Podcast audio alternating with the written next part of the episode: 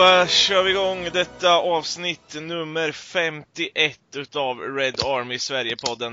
Uh, vi tar väl en sorgeskål och uh, försöker dra till oss tillbaka tankarna vad som hände här mot Crystal Palace som ett exempel där vi ska prata om idag. Men först vill jag välkomna Adam Stenberg och Mikael Krekula som alltid tillbaka till detta, denna podd, kanske man ska säga. Thank you sir. Tack. Uh, you are välkommen. Uh, ja, känslorna för mig själv är väl att jag är ganska bitter. Jag har fortfarande rätt ont efter det jag såg i år. Uh, vad sa du? Du väggen efteråt. Ja, det ont. Ungefär. Jag... Uh, nej, det är väl ont i själen, ska man kunna säga. Jättesorg. Ja, precis. Lite mer åt det här hållet. Men jag har fått jobba idag, jag har fått hjälp människor så att uh, på något sätt så får jag väl se det som att det kanske är det verkliga livet och det här andra är något låtsas skit som pågår någonstans. Utanför mina, ja, utanför mina väggar så att säga, som jag kan påverka. Men hur har ni haft det då? ja, det var jag önskar inget... fan att jag hade kunnat få jobba idag, för då hade man kunnat ja. tänka på något annat. Det känns ja. som man har gått och varit så helt jävla... Jag har känt mig liksom lite förstörd, har jag. Liksom, nästan bakfull, lite sockersugen ta mig fan. Det är som att något är fel i kroppen. Du kanske och, är bakfull? Jag ska säga att jag är inte så jävla sockersugen överlag. Några öl eller nöjer mig liksom. Men fan idag det känns så jävla... Det känns liksom det är någon blandning mellan alltså, ångest över hur, vart vi är någonstans och även så pinsamt agerande i en match som oavsett förutsättningarna bara ska gå och prestera bättre i. Det har inte varit en skön söndag det här. Nej, verkligen. Alltså man känner en enorm besvikelse över matchen igår. Jag, hade, jag tror jag sa det i, i förra podden, att jag tror att United kommer vinna ganska enkelt den här matchen. Och det trodde jag verkligen, så det är en enorm besvikelse. Som det är länge sedan jag har känt faktiskt kring United. Vilket väl är bra på ett sätt, för att man hade ganska höga, hade ganska höga förhoppningar på den här matchen. Men katastrof. Från start till mål. Ja, Ja, men de här känslorna. ja, det börjar ju med att Lindelöf missar den där nicken. Ja. Jag försökte ta kort på det, men det går tydligen inte att ta printscreen på Viaplay när man kollar på mobilen. Det ser så jävla roligt ut. Den här första långbollen Pärle slår. Och Lindelöf missar, misstajmar nicken. Och det har jag gjort förut. Mot Palace? jag kan se om jag kan printscreena den på NUTV. Ja, och lägg ut den då i poddkommentarerna sen. Och så här, Maguire blir rundad i någon då och då. Och Lindelöf, då och då. Ja, och Lindelöf missar Våra mittbollar. mittbackar. Ja, vilket jävla partnership det är. Alltså det är ju det är ett skämt. Ja. Och, ja, vi kan gå in djupare på Lindelöf, men det var ju så, bara man såg, du skrev det förut Wikel internt, bara man såg den här misstajmade nicken av Lindelöf i början så insåg man att ja, men det, här, det här kommer ju inte bli något bra. Nej. Nej. Och eh, jag har nog aldrig skrattat så mycket som eh, när man hörde vår gamla gäst Bojan Djordjic efteråt när han uttrycker det där han, han, håller på att snacka mycket om Lindelöf och sen bara det där 90 miljoners, eller 90 miljoners kylskåpet han har bredvid sig också. Eller 80 miljoners kylskåpet eller vad han liknande så. Ja, det, det, där, det där partnerskapet där bak för igår kan det varit det sämsta vi har sett på väldigt länge. De var bakfulla kanske? Ja, Lindelöfs insats måste ju vara den sämsta i tröjan och då tycker jag ändå det finns några att välja på. Men det där var så pass, han var inblandad i alla målen. Mer eller mindre. Som vi släppte in. Och jag tyckte han var osäker överlag. Jag tänkte gå in på det djupare. Jag tyckte fler var osäkra och det fanns väl ett strukturellt skäl till det. Varför alla backar var lite osäkra. Ja men till exempel Lindelöf har ju en... Berätta en, för oss. Ja, men alltså kan vi gå in på det. Men Lindelöf har ju en T5 bredvid sig som, som ett inte är tillräckligt bra och två inte är en högerback. Jag tycker väl att vi kunde se från honom att han var Ibland var han rätt bra i uppspelsfasen, att han var tillgänglig och gjorde det ganska enkelt.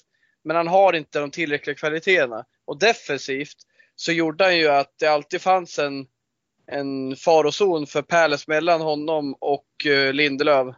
När Palace kontrade så fanns det ofta ytor bakom Fosumensa. Och eh, när eh, den här väggen vi haft i AVB en gång i tiden gjorde ju att man var trygg mot spelare som Zaha. Men det var ju lite fritt fram där. Men framförallt tycker jag att i en sån här match eh, så jag tror inte nödvändigtvis att i en sån här match där vi ska låsa upp ett försvar och där vi ska vara mycket bättre så tycker jag inte vi ska behöva sakna Matic. Men när man har Pogba på plan central, på centralt mittfält då måste man ha någon defensiv stadig spelare. Och all respekt åt vad McTominay kan göra på en plan men han har inte de taktiska egenskaperna eller de fysiska egenskaperna för att eh, vinna boll på rätt ställe och vara på rätt ställe när det är som farligast för motståndarna.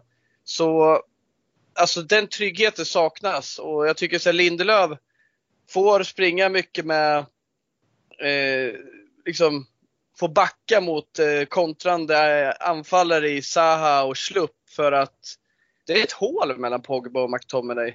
De jobbar inte för varandra och de har liknande roller. Båda vill ha en del boll. Båda har offensivt tänk. McTominay kämpar och vinner boll, absolut. Men det är en väldigt händelsestyrd kille som går mycket på känslor snarare än taktiskt upplägg, vart man ska stå, hur man ska hantera det. Och han är ingen boll, spelare som suger in bollen och lugnar ner anfallet eller eh, tar oss ur knepiga situationer. Ska sägas att McTominay är nere och hjälper försvaret, men det är också hans roll.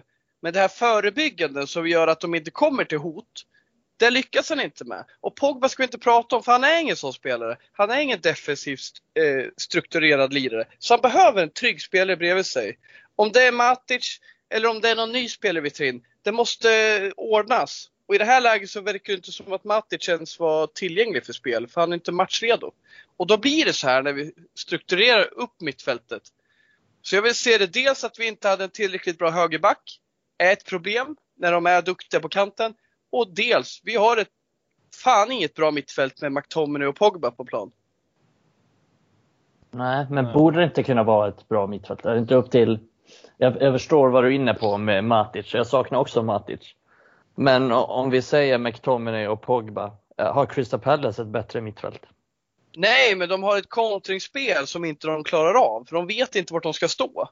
Alltså, alltså Pogba är ju, Pogba, nej, för Pogba är, han är inte rätt i position. Han chansar när han ska bryta. Han, han är inte smart nog i ett sånt läge att han, han bryter liksom vid fel läge. Matic backar ju undan då kanske istället och står rätt.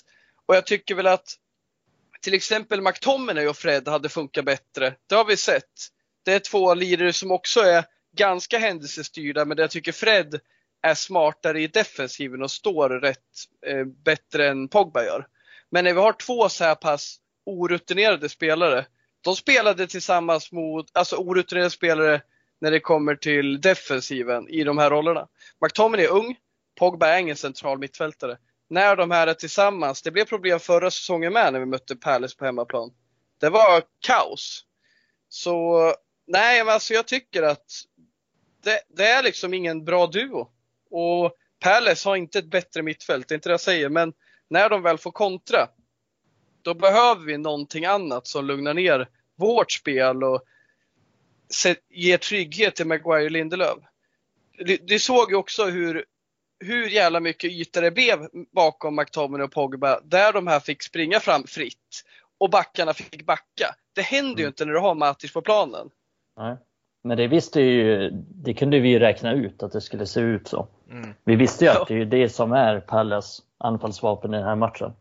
Det var det första jag skrev innan match, att vi kan inte ha de här två på plan samtidigt. Det går inte. Då får vi köra någon slags tremanna mittfält eller någonting. Att vi slopar mm. tian. Jag vet inte. Men vi, vi, kan liksom inte bara sätta in dem där och hoppas på underverk. Och men det är lite det, är ju det, är lite det han gör. Det, för han såg ju det förra säsongen, hur illa det är. Det är lite det han gör. Det är lite det som jag vill komma till också. Han slänger in dem för att han tycker att han tycker att McTominay och Pogba är de bästa. Mm. Eh, för tillfället. Men han tänker inte så mycket på balansen. Han tänker inte så mycket på att han ska få ut max av laget. Men det är, det är också märkligt att han att han är så, han är ganska fixerad på att förstärka vänsterbacksplatsen, verkar det mm. som. Men eh, nu när du nämner högerbacksplatsen så är det intressant. Vi har ju Van Bissaka som är helt okej okay och som duger. Han gör sitt defensivt. Han kommer inte göra mycket offensivt, men han gör sitt defensivt. Men vad har vi annars? Det är ju Ja. Fosemensa. Fosemensa, Ja. med all respekt, går han in i något lag i Premier League som högerback? Nej, det Nej. jag inte. Ja, det Och han vara är något. vårt liksom andra val. Ja. Vad händer om Fambisaka drar korsbandet nu? Mm. Vem Då har vi Dalot kanske. Ja, men det Ja. måste ju vara Williams. Han är inte... eh, Alltså, det kan ju bara finnas Williams som ska in där då. Mm. Men han var inte med i truppen överhuvudtaget. Så Nej, det, nej, det är också såklart. Men han har ju i och för sig varit småskadad. Han spelade bara 15 minuter mot Villa. Så jag vet inte om han har släppt Williams helt, men i så fall måste ju han ut på utlåning. Men det måste ju vara... Släppt han helt? Det är väl som alla andra. Han har väl inte släppt någon. Det är ju första timmarna på säsongen. Ja, han men, kanske spelar nästa gång liksom. Jag tror inte vi ska dra så stora växlar av det. Nej, det tror inte men, jag heller. Men överhuvudtaget, alltså jag vet ju inte hur det ser ut med det där. Men, men det är därför jag bara säger han skulle ju lika gärna kunna ha gjort det. Det vet vi ju Mm. inte. Vi vet Nej, ju ingenting än så nej. länge. Men oavsett så känns det lite, precis som den är inne på, så vill jag säga, det känns lite så med hela laget. Han, det, det känns inte som att det finns den där strukturen. Sen om det är spelarna som gör att det ser ut så, eller om det är Oles, ja, taktiska okunskap. Men, men det känns som att allting är, jag hoppas på att någon gör någonting utöver det, alltså någon, någonting själv. Jag hoppas Mm. på att Rashford gör något magiskt. Jag hoppas på att Bruno gör något magiskt. Jag hoppas på att Martial gör något magiskt. Och när alla de har en dålig dag, som de har den här dagen, toucharna sitter ju inte där. Alltså jag har ju aldrig sett Bruno Fernandes få en två meters touch som gör att han tappar boll. Det hände ju igår. Mm. Ja. Eh, och då är det klart att det inte kommer ske något te- teknisk briljans från de här spelarna. Och Pogba slår väl bort 70 bollar, alltså så här, och, och då måste det finnas någon struktur och den strukturen finns ju inte. Den finns ju inte i försvaret, den finns inte längre fram i banan heller. Det ser ut som ett blöjparty ungefär. Ja, för det är intressant. Det är så många som har slagit bort passningar den här matchen. Ja, Alltså i slutet var det ju väldigt tydligt att Pogba gjorde det, det såg alla, men även att Maguire, när han är siste man, som har en bra passningsfot, slår bort enkla bollar som gör att de får kontra. Jag tycker även att eh, Martial har jättesvårt att suga in bollen och han var ju en av våra bästa spelare. Många vill ju se han som bästa spelaren förra året. Det här är ju mer, vi, förvänt, vi förväntar oss mer av honom. Men han är ju inte ensam alltså. Alla vi har nämnt nu var under godkänt. Riktigt dåligt. Och Rashford liksom, jag tycker han gömmer sig lite. Jag tycker han, han måste ta för sig ännu mer. Jag tycker att, eh, ja gömmer sig, vi ska inte snacka om Rashford när vi inte har nämnt James. Men James ska vi bara utesluta från den här podden, eller?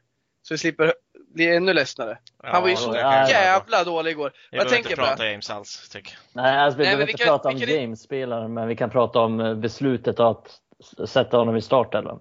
Ja, men precis. Och det är också sådär, vad fan tänkte han där? Om man, han tog in McTominay och Pogba och tyckte de var bra, liksom, men kan ha tyckt att James var det. Kommer du ihåg att jag snackade om det här, att jag hade en rädsla för att han skulle köra James före Greenwood? Ja. Jag hade ju rätt och jag är jätteledsen för att jag hade rätt. Det var ju skittråkigt ju. Ja, Men vart är Greenwood? När han kom in, Ja, det men- blev ju inte mycket bättre heller, Nej. men det, han, han gjorde ju någonting med bollen i alla fall. Han visade sig och ville påverka. Ja, men det är så jävla konstigt så här på förhand. Vi, vi snackade om det mycket och, och det, det förstår väl alla. Liksom. Det här är ingen unik åsikt, men Daniel James mot Crystal Palace, han kommer stå lågt. Det är, alla förstår att det inte kommer fungera. Så det är en väldigt märklig uttagning. Jag förstår att han inte har så mycket att laborera med. Men ändå, alltså det, man måste kunna hitta på något annat. Ja, jag skulle vilja ha lite mer, vad ska man kalla det, flexibilitet i Mm. Oles taktiska upplägg. Att, alltså att röra om lite, testa lite annat när du, ja, men du möter det här laget. Och det här är jag lite ledsen för, för jag tror ju någonstans att kanske Solskär inte har kapaciteten för att lösa de här eh, taktiska förändringarna som krävs. Det är liksom, det, det, krävs, det krävs en viss höjd som tränare att kunna våga göra det. För det kan ju också bli eh, skitdåligt resultat av det. Men du vågar, du satsar och i slutändan så vinner du. Men jag tycker att till exempel med det här mittfältet vi hade, vi kanske skulle haft ett rakt tremanna mittfält, testa annorlunda. När vi bara har James till höger då, ja, men ska det ens kunna bli så illa? Jag anser att ska James vara på plan så ska jag inte vara högerytter. Om det inte är så att han, vi bara kontrar. Testa han på ett annat sätt, gör något annat liksom. Han, han kör alltid enligt samma rad. Och nu har han ju fastnat med att ha Fosumensa som högerback. Och det är också galet. Ja. Det är galet. galet så kommer det ta några månader innan han förstår att Fosemensa kanske inte är så bra som högerback. Det, Även om det har tagit fem sekunder för andra att förstå det. Men det är det jag menar med det här jävla blöjpartyt. Det är ju Ole som står och delar ut de här jävla blöjorna. Alltså, bara, men du tycker faktiskt att du är ganska bra. Du kan springa och du kan kämpa. Ja, absolut. Men spela du då. Och du kan också springa och du är ganska duktig. Ja, men spela du. Ja, men vänta nu. Kan ni spela ihop? Ja, men det kan ni nog. Här har du. Ja, men det, det, det är så... Det är på något sätt det är så jävla frustrerande att se. Och titta på den där högerkanten igår. Den platsar ju för fan knappt i League One. Eh, och, och, det är väl där mm. det räcker med att säga, alltså med den. Och, och, då ska vi också ha en Pogba där ute som ska försöka hjälpa de där två. Eh, som, som tillbringar mycket tid till höger. Efter det såg ut som att han skulle tillbringa mycket tid till vänster först om man skulle se på laguppställningen som kom ut. Men så blev det ju inte utan det blev McTominay där ute. Mm. Eh, så, såklart så är det ju. Eh, det är en bra poäng där med högerkanten med James och Fosemensa. Den är pinsamt dålig. Det är så låg kvalitet på den högerkanten att det liknar ingenting. Men om vi, om vi ser till matchen ändå så har vi ju Pogba på planen, vi har Rashford, vi har Martial, Bruno Fernandes och så vidare och så vidare, byter in Greenwood. Vi har ju kvalitet. Absolut. Men vi har, jag kan inte komma på ett enda anfall där vi har ett strukturerat, fint uppbyggt anfall och där vi sedan skapar en målchans. Ja men det är ju när någon vågar bryta linjer. Alltså jag, det var någon gång tror jag när det var någon av dem, det var Bruno eller Pogba som satte en en passning förbi en av våra egna spelare som gick igenom deras linjer. Och jag tror Martial kunde spela tillbaka en direkt till Bruno, eller, om det var Rashford då. Alltså då var vi på väg igenom. Alltså det här hände någon gång under första halvlek. Men det var liksom en tendens till att vara en uppbyggnad, för då kom det en löpning från Rashford också. Men det är mm. sånt som ska komma oavbrutet hela tiden. När man möter ett sånt här lag. Du måste bryta linjer. Ja. Man flyttar ju under större delen av den här matchen, jag tittade lite, det var tagit i huvudet här nu vilken statistik det var, men jag tror vi slog typ så här passningar till närmsta spelare i typ 60% av fallen. Alltså så här, alltså det var passningar till närmsta spelare, den som var närmst dig i banan. Hela tiden. Mm. Ja, det är något jävla fejkspel där. Och det, det... Men, ja, kör då. Ja, men jag blir så här. Jag håller med dig Mikael, såklart. Vi har kvaliteten för att kunna vinna den här matchen. Men jag blir också så jävla frustrerad när jag vet att vi sätter ut den här högerbacken och högeryttern. Vad det handlar om i grunden, att när vi inte har de startspelare vi vill ha, då är kvaliteten på bredden alldeles för tunn. Och jag säger så här, vi borde ha vunnit mot Palace. Vi borde ha vunnit mot Chelsea, vi kanske hade mött Flen Södra och vi skulle ha vunnit, fan vet jag. Men vi måste ha bättre spelare på bänken. Och jag kan säga det, det är fan förmildrande för Solskär. Han gör fan ingen bra match idag och han ska göra bättre. Men någon gång kommer det komma så här när vi inte har tillräckligt bra spelare på bänken, när vi inte har spets, bredd. Vi snackar om vad händer när Van Bissak inte är med, det kanske blir Dalot. James, tänk om han inte varit med, hade det blivit Lingard liksom? Det är, för, det är för jävla dåligt och det händer ingenting på marknaden. Och vi kan liksom sitta och hålla, snacka hur mycket som helst om vad Solskjaer borde göra och inte. Men han kan fan vara värd bättre förutsättningar. Alltså det enda jag tänker på efter den matchen, det är hur är det ens möjligt att Ole ska laborera med de här spelarna till höger? I min värld ska James vara en spelare på upp uppbyggnad. Han ska inte på lån nu, för han är fortfarande så pass ung att han kan bli någonting. Men jag håller med er, han kommer nog inte bli det United. Men T5, han skulle ha varit väck för länge sedan. Hans skaderegister under all kritik. Han är inte tillräckligt bra. Han är fan inte högerback. Vart är alla våra nyförvärv? Jag blir galen när jag tänker på det. Och jag blir fan med ännu mer galen när jag tänker på det med tanke på att vi snackar om taktiska anledningar hur vi kan göra. Och så är det i den här matchen. Men vi kommer stöta på ännu fler matcher där Solskär måste ta in chipspelare för att våra ägare håller på att missbruka den här pissklubben. Jag blir så jävla arg när jag tänker på det.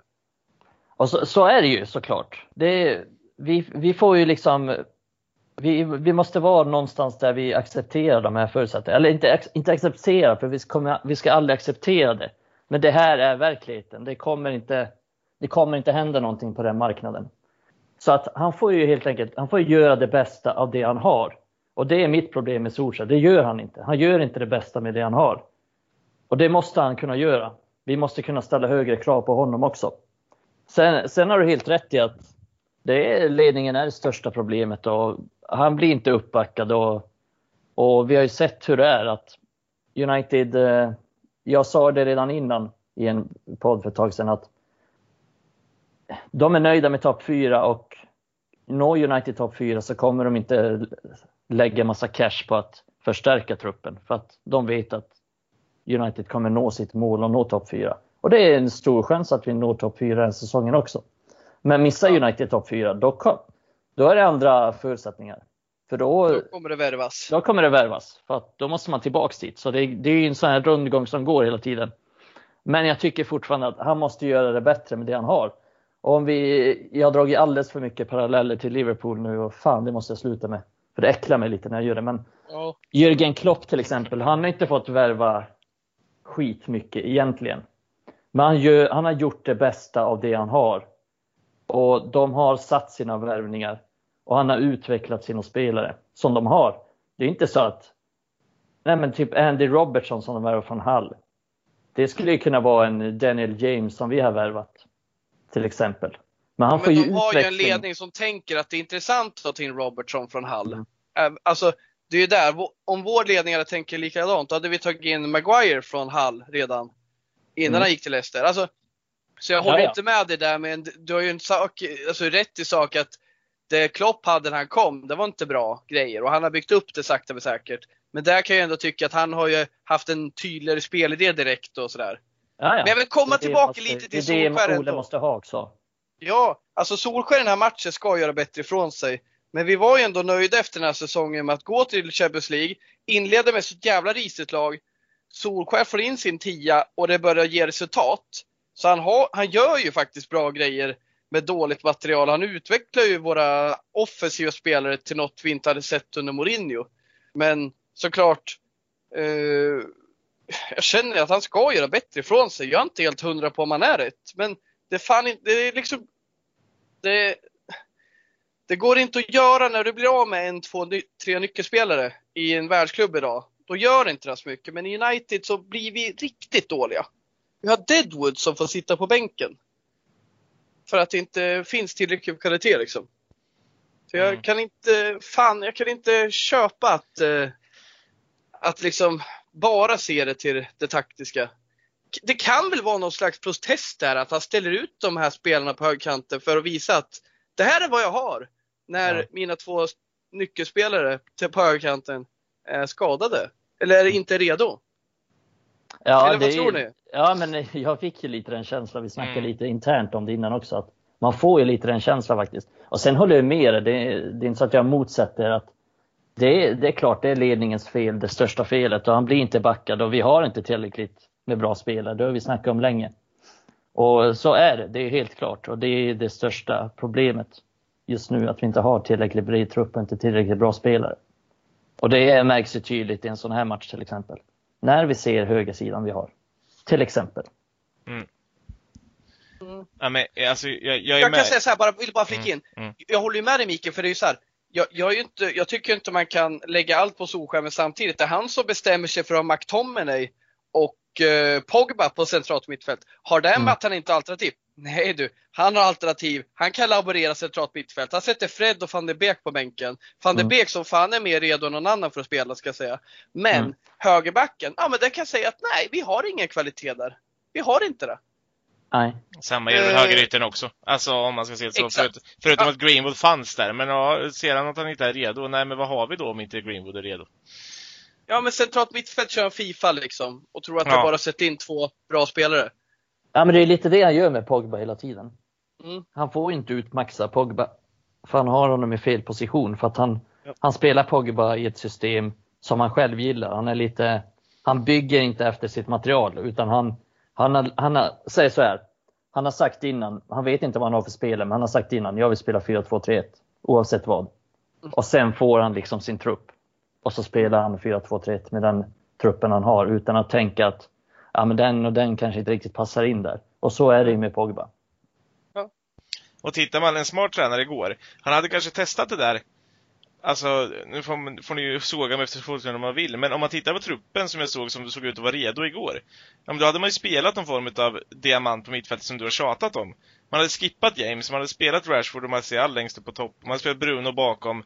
Och sen Pogba, Van de Beek och sen Ja, skit, eller ja, om man nu verkligen vill ha McTominay då, så skit i någon av Pogba, Van de Beek. Och sen spelat Fred längst bak. Mm. Alltså, Ja, men verkligen. Ja, men det verkligen. där är det jag menar med att vara lite flexibel, våga någonting. Det är Ja. inte optimalt, men inget är optimalt nu när vi har spelare borta som inte är matchredo och så vidare. Så jag gillar idén. Ja, exakt. Har du ingen bra högerytter, som man inte har just nu, när Greenwood tydligen inte var redo för, för start. Ja, men då får fan gör någonting åt det. Använd ett annat system där du inte har en högerytter eller någonting. Det är, det är inte Ja, det är svårare skitbra så. poäng alltså. Det är ju det. Det är, det är så det är. Det är, där, det är så Mm. skickliga tränare gör. precis. Och, ja men det, ja, men det, det är ju sådana där grejer man kan lägga på Solskär. Ja. Och det har ingenting med ledningen att göra, det har ingenting med förutsättningar att göra. Det är mer så här, match, nu är vi här, var står vi? Okej. Vad gör vi liksom? Ja, för, exakt. Så är det ju. Oavsett vad så ska vi inte förlora med 3-1 mot Crystal Palace. Nej, det, Nej, alltså de, om vi pratar om att vi är chipspelare, alltså de spelar MacArthur och McCarthy på innermittfältet. Mm. Alltså, eh, Bröderna Cartwright. ja precis. Eh, Ja men, ja, men det, det är ju lika mycket chips det. Eh, och, och Joel Ward på deras högerback, det är ju eh, lika mycket chips som Fosumensa. Ja men, Ja, gud ja. Alltså, de har inte många, de har inte många spelare som går in i vår elva. nej. Det, det är väl en, Ja, alltså rent krasst.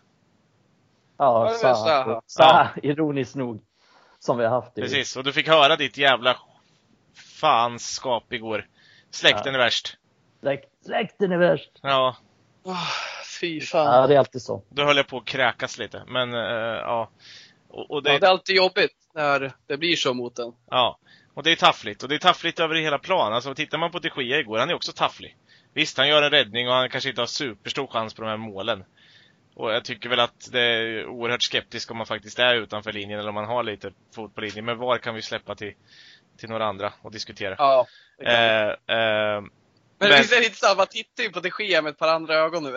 ja, när, när Henderson står och knackar. precis. Det, jag, där, det, det finns ju något där att jag tycker kanske inte att han var dålig, men helt plötsligt så tänker jag på Ah, det där var väl inte tillräckligt bra. Holmgren tog ju också den positionen. Mm. Han bara, det här var väl nästan en tabbe. Och och Glenn bara, nej men lugn nu liksom. Det där. Det var, du vet när han, när han tvekade om han skulle springa ut på bollen. Och När, sen gör han eh, det till slut. När Lindelöf gjorde sin eh, fantastiska hemåtnick menar du? Ah, gud. Ja. Katastrofen. Ja men, eh, och, och det är ju den, och sen är det den där passningen han slår i början av matchen där han, jag vet inte riktigt vad han gör. Men det kunde ju också slutat riktigt illa. Och hade det varit United så hade de ju säkert slagit in den från det där avståndet. Men nu tror jag, jag vet inte vem det var, men om det var McCarthy som fick en riktigt dålig touch. Ja, men han var ändå bra sett till. Han sett var till okej, men, men det är ju fortfarande där, det känns ju fortfarande jag känner mig inte safe med de Gea och det sa vi redan förra säsongen. Alltså det känns som att kommer det ett skott, jag är inte säker på att han räddar dem där. Jag är ju team eh, Henderson. Ja, det är jag med. Men jag tror inte han hade gjort bättre match idag. Det är mycket Eller igår. Nej, igår. precis. Det var liksom inte... Försvaret var under all kritik och det hade ingenting med de Gea att göra. Nej, han eh, gjorde liksom inga direkta fel. Sen räddade han faktiskt en straff. Det gör han. Även om för en gångs skull och det är Men- lite kul. Men den gillas inte. Ja. Ajuv, han måste ju fått, alltså han tagit någonting i i halvtid. Han var ju helt jävla oduglig i andra halvlek. Ja. Jävla dumheter han höll på med. Ja men det är som, det är som Den straffen här där. Bara, chippen som sen blev straff och Ja. den här straffen och vad fan höll han på med? Det var som att han skulle ha lite kul mot United. Det säger en hel del om hur dåliga vi var. Ja. En latcha enkel med. match. Det är en match man kan latcha i och ta ut Ja. svängarna och testa nya saker. Ja, precis. Lågt och sjunkit. och då är det Jordan Ayew som gör det också. Ja. Det är också en spelare som jag tror inte hade spelat i något annat lag förutom Crystal Palace. Och det är bara för att han redan är där. Ja, nej, han har inte gått in i många lag, det hade han inte. Men andra matchen, andra året i rad vi förlorar hemma mot Crystal Palace. Mm, och andra matchen i rad eh, eller, som Jordan Ayew är med och spelar och vinner mot oss eh, på Old Trafford. Ja, just det. Han var inte med senast. Så- Stämmer. Ah, fan vad tufft det här var alltså.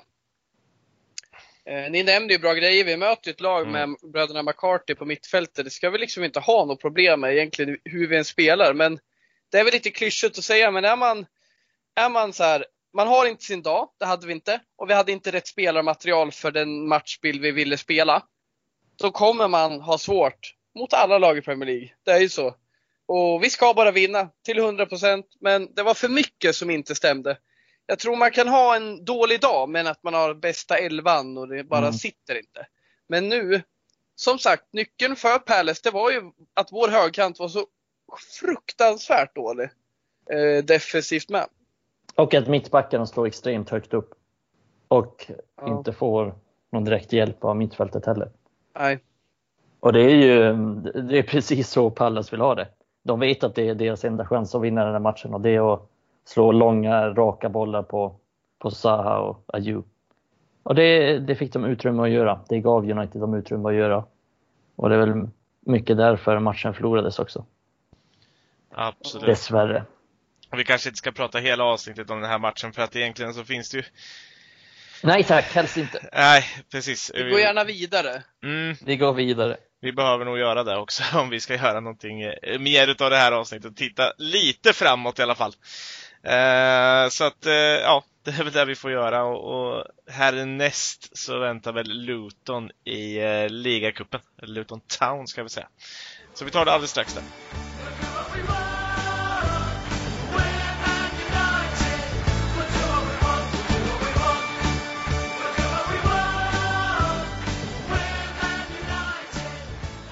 Ja, och tillbaka från det där så ska vi då som sagt prata lite Luton Town.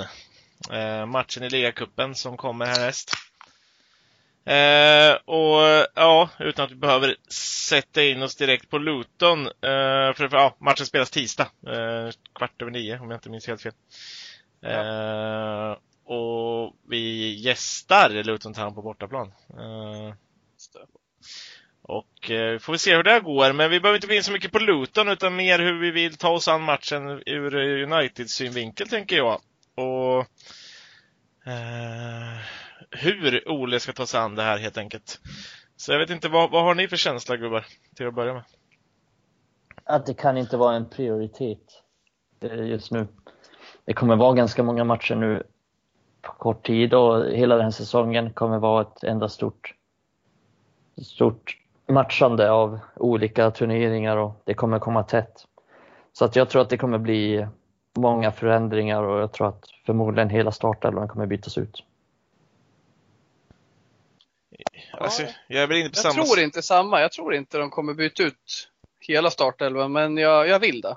Jag vill att det gör det. Men jag tror Solskär mm. tar det här på stort allvar och jag tror det handlar någonstans om, om man tittar på förra säsongen, vi tog oss till semifinal i Europa League, FA-cupen, ligacupen. Det finns ett eh, behov av honom att vinna dessa kupper och jag tror inte han kommer behöva mönstra särskilt stark elva nu. Nej, nej, men, men går vi vidare sidan... så tror jag faktiskt han kommer att köra bra elvor och jag, ja. så här, det, det sitter någonstans till hos Ole. Jag kommer ihåg, han startade ju fan Pogba mot Rochdale förra året. Det är, så här, mm. det är verkligen ingen match för Pogba att vara med. Maguire mot Tranmere och så vidare. Precis. Mot Tranmere hade vi en jättestark elva i FA-cupen. Och, och... Men jag tänker också så att, typ, ja nu sa jag att vi byter ut alla elva, men det, det, det, då handlar det också om att till exempel, då kommer ju fan Bisaka in till exempel.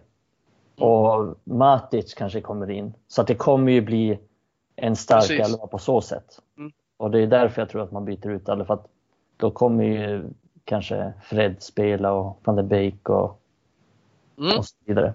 Men visst, det är, Maguire vilar sig aldrig så han kommer ju förmodligen starta. Mm. Och det där är intressant hur vi hanterade förra året för det var liksom inga av startelverna i varken FA-cupen eller ligacupen som var särskilt identiska. Han hade liksom inga kuppspelare egentligen. För som ni vet så gick det upp och ner med vilka som var startspelare i United i Premier League. Det började liksom med Shaw, sen blev det Williams, sen blev det Shaw igen. Och Fred var inte intressant i början, men sen blev han jätteviktig under en period för att sen försvinna. Så det, det har aldrig varit, det är ju som du säger Mikael, det kommer ju bli nu att man tar in dem som behöver spela. Oavsett ja. om det är för att få matchspel eller om det är för Dalot för att veta att man lever. Men eh, när det, alltså, det kan bli vad som helst och det kan bli bra även fast det är spelare som inte är tilltänkta i startelvan. För Det jag tycker är lite tråkigt att komma till också, det är att det kommer inte bli så mycket ungdomar som jag hoppas. Jag hade ju hoppats Nej. någonstans med väldigt starka spelare, sex stycken, men sen ett gäng ungdomar. Där kanske Elanga får starta och låta Rashford vila så han kan hålla på med någon, eh, någon insändare i lokala bladet. Eller eh, liksom Igalo. Det är ju inte en dålig spelare. Men ändå någon som behöver spela. Så liksom El- Elanga, Igalo skulle jag gärna vilja se mot Luton. Men det händer ju inte. Mm. Nej, Nej, det det- kommer inte nej, hända. det- Pereira måste ju få speltid också. Sen ska ju gärna Jones in och lira. Där har du en spelare som vi inte har sett till på ett tag. I och för sig. Pereira? Vi trodde, ju- vi Mm. trodde han var... Ja. Men han behöver ju speltid så folk ser att han lever så att vi kan sälja honom sen. För så funkar ju marknaden. Mm. Men vi, vi får ju också glöm, vi får inte glömma heller att United förlorade den inledande matchen och förlorar United med Luton Town, ja, då kan det storma lite. Så att jag är lite inne på din linje Adam också, att kommer att, det kommer bli en bra elva och jag tror att Ole, det är viktigt för honom att göra bra ifrån sig i kupperna. Men eh, vi har ju förmodligen, vi har inte eh, truppen till att slåss på alla fronter och jag tycker nästan att fan vi får ju vi är i en position där vi nästan får ge upp en turnering till slut. Men det, Ja, den dagen kommer väl inte riktigt än. Och då är Ja, inte ligacupen det mest intressanta, så är det. Exakt. Eh, och, så, det, så måste det ju vara. Sen tror jag, eh, utifrån vad jag kan tänka mig och lite hur Ola reagerat innan. En utav Bruno och Pogba kommer vi få se. I ena matchen. Det är jag nästan säker på. Och den som vilar ersätts av Van de Beek. Eftersom han inte spelade nu sist, eh, hela matchen. Jag är inte säker på det eftersom, Jag är rätt så säker på det alltså. eftersom varken Matic, van de Beek eller Fred startar så tror jag nästan att de tre kommer ta de positionerna. Men vi får se. Men jag, vet, jag tänker att Matic får inte ens med i truppen. Jag tror inte han är redo till matchen mot Luton heller, alltså om jag ska vara helt ärlig. Och Fred, jag, jag tänker att Fred ersätter McTominay, alltså så sett. Mm. Eh, och går in där istället. Eh, och kommer få spela. Han var ändå med. Eh, jag kan tänka mig att Bajy kommer få spela. Som sagt, Mm. och, så här, och Henderson kommer ju byta Williams med de Gea. Och Igalo kommer ju spela. Eh, alltså så, man kan räkna upp det där hur långt man vill gå, men Williams som sagt ett alternativ. Eh, och lite sådana där ersättningar kommer det bli, men jag skulle kunna tänka mig, och, och Bruno är en sån här som som är alltså bara och sitta lite och han pratar hur han känns och så vill han spela. Ja. Han, han, Ja, vi vet ju att Ole har gett med sig tidigare. Han säger ju ofta att ja, men Maguire vill spela varenda match och därför får han göra det. Men det så att han, vi, han har ju visat att han ger med sig sådana stunder ibland till vissa Mm. spelare. Precis. Han vill inte bråka med Maguire, han vill inte bråka med Bruno, utan ja, men vill ni spela så får ni spela. Mm. Men Henderson kommer förmodligen göra sin eh, United-debut, Mm. tävlingsdebut. Det, Det kan vi väl slå fast. det kan vi nog slå fast. Om Det inte, det är intressant att se. säkert. om inte Romero kommer tillbaka från semestern och, och går in och ställer sig i målet. Nej. Nej, det tror jag inte heller. Nej, det var Jag mest tror skönt. Grant är reserven. Ja, det tror jag det faktiskt verkar också. så Romero förs- kommer försvinna. Ja, det verkar så. Men Mm. som vanligt med United så har de inte fått sålt någon. Nej, Nej. Vi- Villa hade väl ett eh, ändå bekräftat intresse utav honom, men sen så när United inte riktigt kanske handlade i tid och fick iväg honom så, så blev Martinez, eller vad heter han? Jo, Eh, Martinez. Martinez ifrån Arsenal. Eh, ett annat val. Och en, ja, kanske bättre också, det vet jag inte, men eh, det blev ett annat val i alla fall. Och det tog de. Ja. Så att det, det är väl Uniteds svaghet där också, vi kan inte ens sälja spelare. Eh, så att det, ja, mycket Det kan ju varit så att Aston Villa krävde att han skulle bli första målvakt och då backade de mer undan och sa nej men nu har ni missförstått min roll i världen. jag vill inte bli första målvakt. Nej. Var det därför Pinto la av när han lämnade Barcelona? Ja, men Pinto hade ju den bästa rollen man kan ha. Copa del Rey, Pinto. Ja, det är ingen, ingen press på att vara med på alla Barcelona. Bo i Barcelona och bara hänga med på alla matcher, stora matcher och fira alla titlar. Och, Och tjäna det är helt okej underbart. pengar. Underbart. Lever life. Ja, men det är, det är svårslaget. Jag kan tänka mig att Pinto jag- inte jag- var den som låg först på konditionsträningarna. Alltså det var, ja. Jag kan tänka mig att han var snabbast på att sprätta en öl på festen. ja Jag, jag vill eh, kladda i den här mittfältsdiskussionen. Jag Ja, tror faktiskt vi startar med Fred, McTominay och van de Beek som tia. Tror jag. Jag tror han kommer få en möjlighet som tia och jag tror inte han kommer få så många möjligheter den här säsongen. Och nu känns det ju lägligt liksom att ta in honom för, för Fred, jag tror att McTominay kanske ska vilas men då kommer inte han få lira så mycket sen. Jag förutsätter ju att McTominay inte startar nästa match. Eh, om nu McTominay är redo eller, eller säga om Matic är tillbaka och så. Inte ja. omöjligt, men det här är en match för McTominay. Han har hamnat ner i pecking order.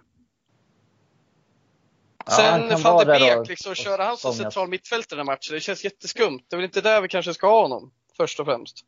Inte den här konstellationen i alla fall med två sittande. Han nu sitter och killgissar, men det känns ju så jävla fel bara tycker jag. Ja, men samtidigt... Såg han mot Aston Villa, det var inte asintressant. Det är inte där han får ut sin roll liksom. Då ska han ju snarare vara en av tre tremanna mittfält liksom. Samtidigt så är det ju där han har spelat mycket. Alltså jag tror att han absolut kan vara bra där. Eh, sen är frågan... Han spelade mycket så tidiga år. Ja, och han, han, gjorde, över. han gjorde ganska mycket sådana matcher förra året i Ajax. Han spelade just den där typ, som Pogba, den rollen Pogba har haft nu. Eh, just förra året när de tappade bort Frankie de Jong så gick han ner och tog den rollen lite halvt. Okej. Okay. Eh, men, för då spelade Ziyech istället 10. Um, så det, ja, alltså det, det, är svårt I att säga. I och för sig, det kan ju vara till hans fördel om han kan lyckas med den rollen med tanke på att det är svårare att komma upp som tia i ja, United. Precis. Än att konkurrera in sig. Så, ja, det finns ju en idé där med. Jag han... tyckte det var intressant att se honom på plan i matchen, för han är ju verkligen, skulle han nu spela som tia så har han ju verkligen kvaliteterna. Så jävla smart spelare som lämnar ifrån sig bollen direkt och gillar att länka. Ja, och där tar sig jag tycka att Pogba ska vara tia, men jag tycker inte han är lika snabbtänkt när det är att hitta tillbaka till en pass. Och, mm. uh, lite mer, gärna ta in bollen på ett sätt som jag tyckte van de Beek, han, han verkar inte ha gjort något annat än att köra en touch hela sitt liv. Nej, men det var en lovande. Han tog aldrig in bollen. Mm. Verkligen. Nej, det var en lovande debut så att uh, han får ju helt garanterat starta den här matchen. Det får han definitivt göra och jag tror att vi kommer få se väldigt mycket mer av honom än vad vi tror. Alltså, eh, rent kast. Ja, det är så svårt att veta vad Ole vill ha för mittfält. Jag får ja. verkligen inget grepp om det. För att han verkar gilla McTominay som fan. Men å andra sidan så borde Matic platsa, men han verkar inte han verkar inte gilla Matic jättemycket, även om han inser att det är det bäst, för det bästa att ha Matic så får han nästan en chans så petar han ofta Matic. Är känslan. Så det är, sen finns det ganska många bra alternativ på mittfältet och det är ju vår starkaste lagdel. Mm. Absolut, och det är väl inte där vi har problemet egentligen som sagt, utan där har vi ju en bredd. Alltså, går Bruno sönder då, ja men då skulle vi kunna slänga in Van de Beek. Alltså så. Och mm. det, det, Eller upp med Pogba till exempel. Ja, och, det finns och sätta in Van de Beek där. Alltså det finns ju folk att ta på. Eller ta av rättare sagt. I alla fall på de rollerna, de två just. Eh, Pog, alltså åttan och, och, och tian kanske man ska säga. Eh, mm. om man ser det. Men det är just den där andra rollen, Matic. Alltså det finns ju ingen av de andra som är lika bra som Matic är på det där. Och där... Nej, ingen med samma egenskaper som Matic och Nej. samma roll så att säga vi snackade om det lite i, i pausen här på podden om att McTominay är ju mycket en powerspelare som kanske går in 200 km i timmen och kommer med en glidtackling. Jag har fan aldrig sett Matic glidtackla ens. Så de, de är lite olika till stilen och beroende på vad man föredrar. Jag, vill, jag gillar ju Matic mer för att jag tycker att han har ett strategiskt defensivt tänk och gör förebyggande saker och är bra på att täcka ytor på ett annat sätt än vad till exempel McTominay är. Och han gör arbetet Nej, lättare för våra mittbackar också, vilket kanske gjorde att de faktiskt såg bättre ut än vad de är. Mm. Vissa delar ja, under förra året. Alltså mycket, så. mycket väl var en, en bra förklaring. Och hans passningsspel mellan ytorna, även om det inte går snabbt när han har bollen, så sätter han de passningarna mellan lagdelarna på ett, på ett annat sätt än vad till exempel McTominay gör. Föredömligt. Eh, ja, eh, förutom då Bajé, jag, antar nästan att Maguire startar också. Uh, jag tror jag med, jag tror det är så jävla givet. Ja, ja. Hoppas att Tunnicliffe startar i... Men i så fall skulle jag vilja se Mengi starta i och för sig. Ja, Tunnicliffe måste du fan dra en anekdot om Mikael. Ja, men kör. uh, ja, jag tror eh, det var Ryan Tunnicliffs pappa som, ja, det var det. som la ett, ja det var det, eller hur? Ja, ja, det var det. Som la ett trätt när Tunnicliff var ung om att han, hans son skulle få spela en A-lagsmatch i Manchester United. Och så kommer jag ihåg när han, när han hoppade in Tunnicliffe så, så zoomade de in hans pappa där. Vild glädje. när pengarna rullar in, så att säga. Han hade väl lagt typ, han hade lagt typ 10 pund när Tunnicliffe gick till United när han var ung, typ. Att han skulle ja. göra en A-lagsmatch. Och fick något jävla odds på det där som var helt sjukt. Mm. Uh, ja, det är inte så, alltså, det får man ändå ge, ge honom. Det är inte så stor chans, även om man är liksom så här 10 år och spelar Manchester United. Det är inte så, procentuellt så är det inte så många som kommer göra en A-lagsmatch i Manchester United. Nej. Det, det är inte supermånga ja, det, det, som gör U23-matcher heller. Alltså om man ska se ett... Nej, nej, egentligen inte. Om man, om man säger av alla tioåringar så är det väl kanske inte jättemånga som kommer upp i den nivån. Exakt. Nej, men det är roligt. vi får se om, vi, om vi får Honom vill man ju såklart se. Ja, får se om vi får skrika släkten i värsta igen. Det kommer på mittfältet. Ja, det blir kul. ja, men eh, ja, Luton Town. Eh, har vi pratat klart där eller vad, vad känner vi? Ska vi något mer vi vill säga runt det? Vet ni när vi mötte dem sist? Sista gången? Ingen aning. Nej. Det var så sent som 92. Fan, ett så år innan, sent! Ett, ett år innan Tunnicliffe föddes. Ja, precis. Året innan Premier League grundades och en ny era tog vid. Så det är verkligen, eh, då, då åkte vi till Kenilworth, Kenilworth Road, det var svårt att säga. Men eh, det är inget lag liksom, som man stöter på så mycket. De har varit upp och ner i de undre ligorna. Så det kan bli kul att se ett nytt lag liksom. Fina tröjor har de och ja. Det kan vara... De är gula ja, va? Orangea. Orangea. Nej, men så det, är, ja. det är alltid lite spännande med en ny klubb. Sen får vi hoppas att vi, vi gör det spännande också. Ny säger jag, för, för mig är det nytt. Jag, jag levde knappt, eh, jo det gjorde jag, jag var ett år då. När, när vi mötte dem senaste gången. Ja. När Lee Sharp såg till att det blev oavgjort i högsta serien. ja, vi kryssade alltså senast mot Luton också. Jajamän, ja, så är det. Ja, ja. Mm. Ja, men det blir bra. Det var någon på den tiden där Ferguson hade stoppat Lee Sharps fest, han och Giggs. Ja. Fester där. Det var väl kanske matchen innan. det var på den tiden när Leeds vann högsta serier. Ja, det är ett tag sedan. Ja, men det blir, eh, ja. jag tycker det är kul med kuppen och jag håller med er. Det här är ingenting vi ska satsa på, men jag tycker alltid det är spännande just för att få se något annat. Jag hoppas det också innebär att i alla fall på bänken ser vi Mengi, Elanga, Eh, för att få se vad de kan göra. För det är inte så jävla sugen på att se Pereira liksom. Det hade varit kul om Mengi startade. Men det, det är väl tveksamt om han gör det. Ja. Men om, om, vi säger att vi byter ut båda mittbackarna. Då är ju han egentligen nästan fjärde mittback just nu. Verkligen. Så... Jag tror inte Solskjaer vågar sätta honom bredvid Bajy. Nej, jag förstår vad du menar. Bajy är kanske inte den trygga pappan som man håller i handen. Utan Bali för, för ut på egna äventyr. Liksom. Han är, Bali är ju pappan som glömmer sonen i matbutiken. ja, det är det. Han, har det.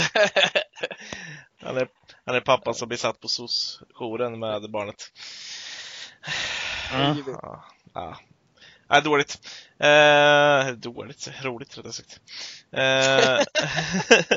ja, det är dåligt att glömma sin son i... Ja, det, i och för sig, men... Ja, det är dåligt att sätta Bajir med Mengi på back, i backlinjen. Ja. ja. Eh. Stackars Mengi. Ja. Det är katastrof där. Det är bara brinner bilar till höger och vänster och skit. ja, nej. ja, vi har väl en match till att klara av här också innan vi ska runda av det här poddavsnittet. Eh, och det är nästa... Eh, är det lördag? Eller är jag ute och cyklar igen nu? Lördag på, ja. vid lunch 13.30. Precis. är det Brighton. Brighton. And ho! Ja.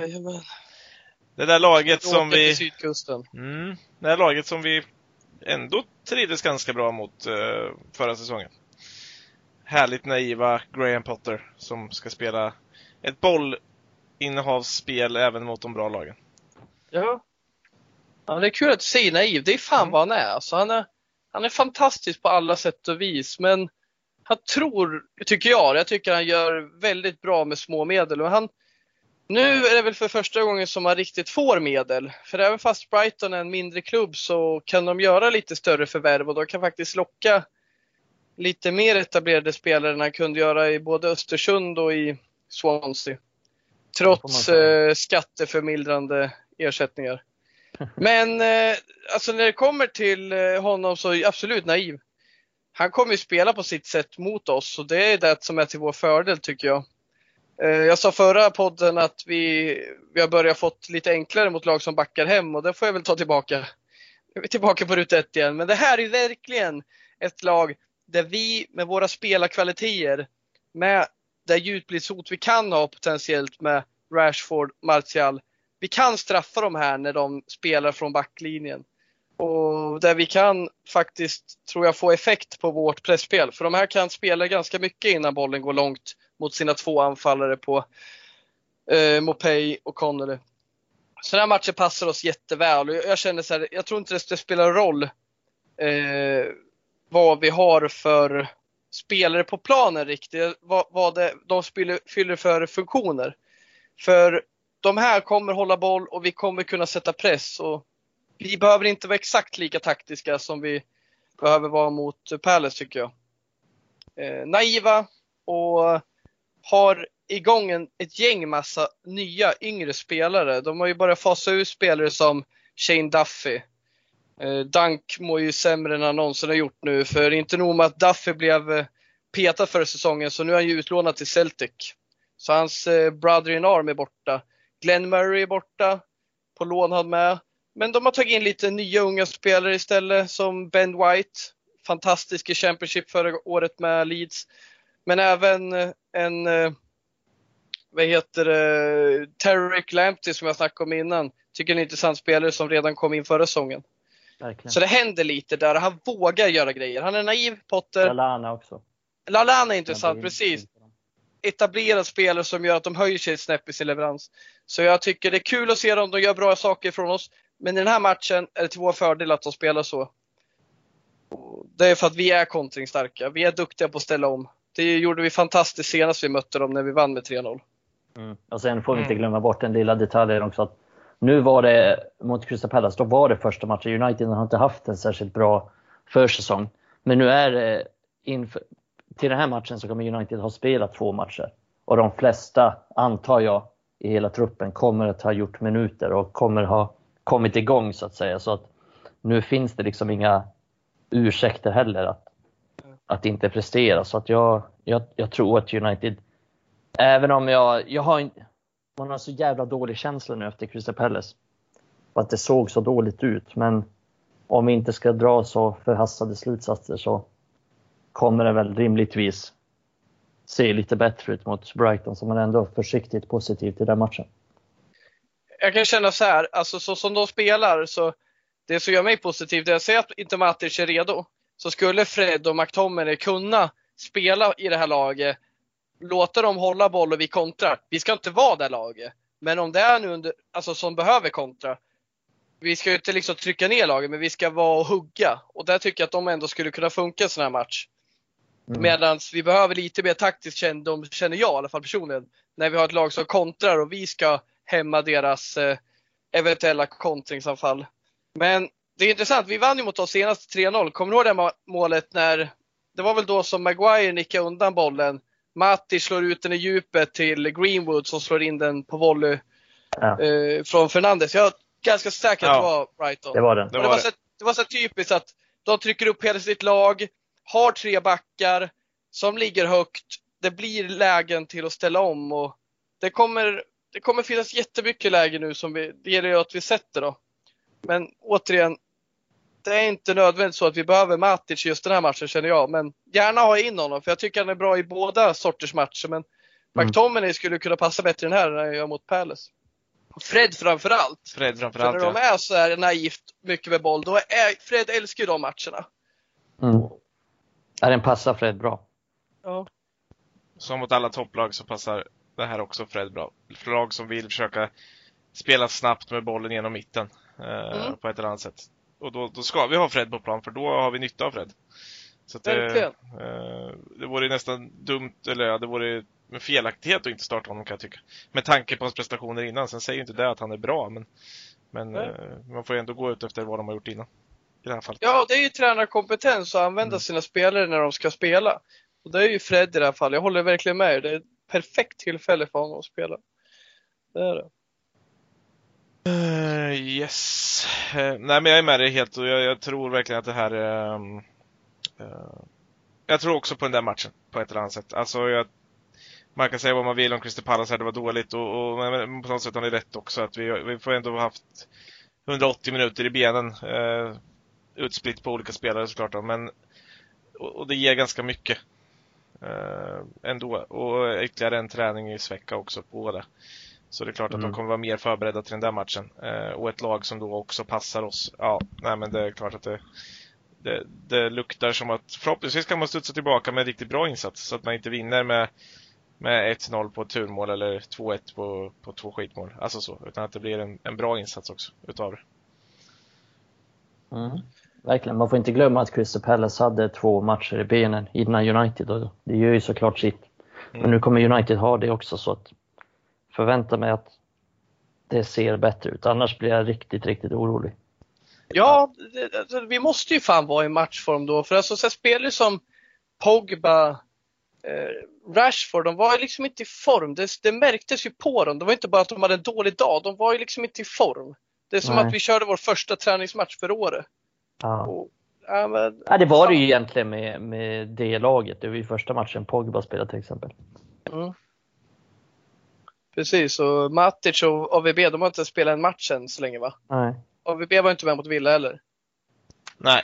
Nej, nej jag tror inte det. Nej, det var han Verkligen inte. Eller det, det var han inte.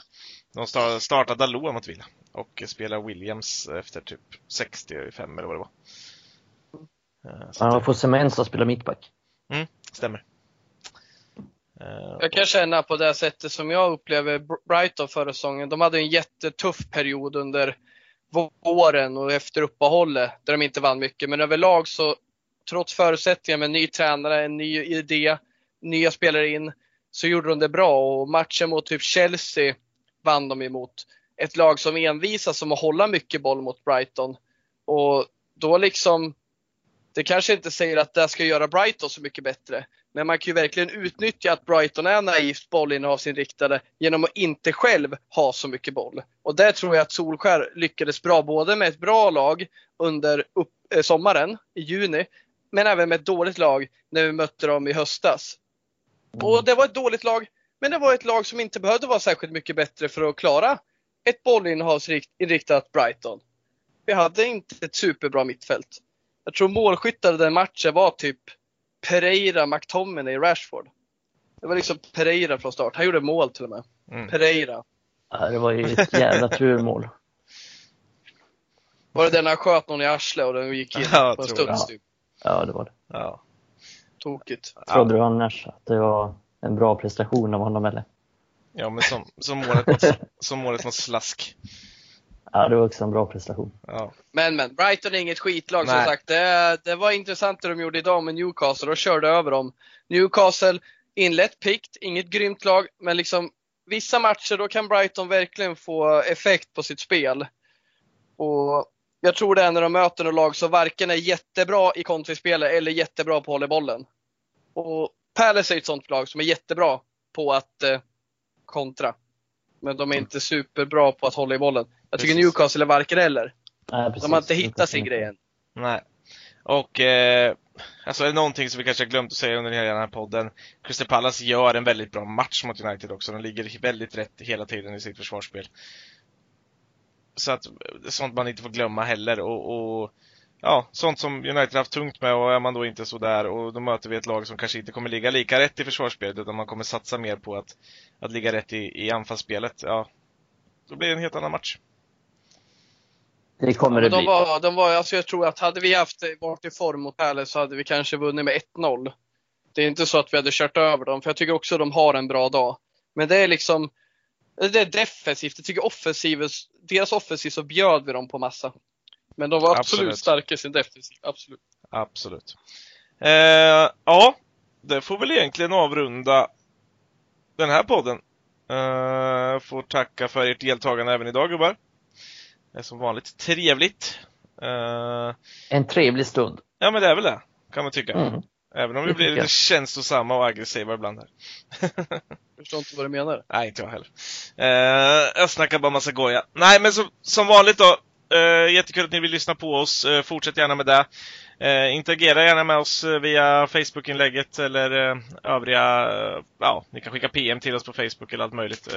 passa på att gå med i Stöttar ni United och känner att ni vill ha en community, ett forum att skriva lite i så har vi startat upp ett Red Army Sverige-forum också på eh, via Facebook där.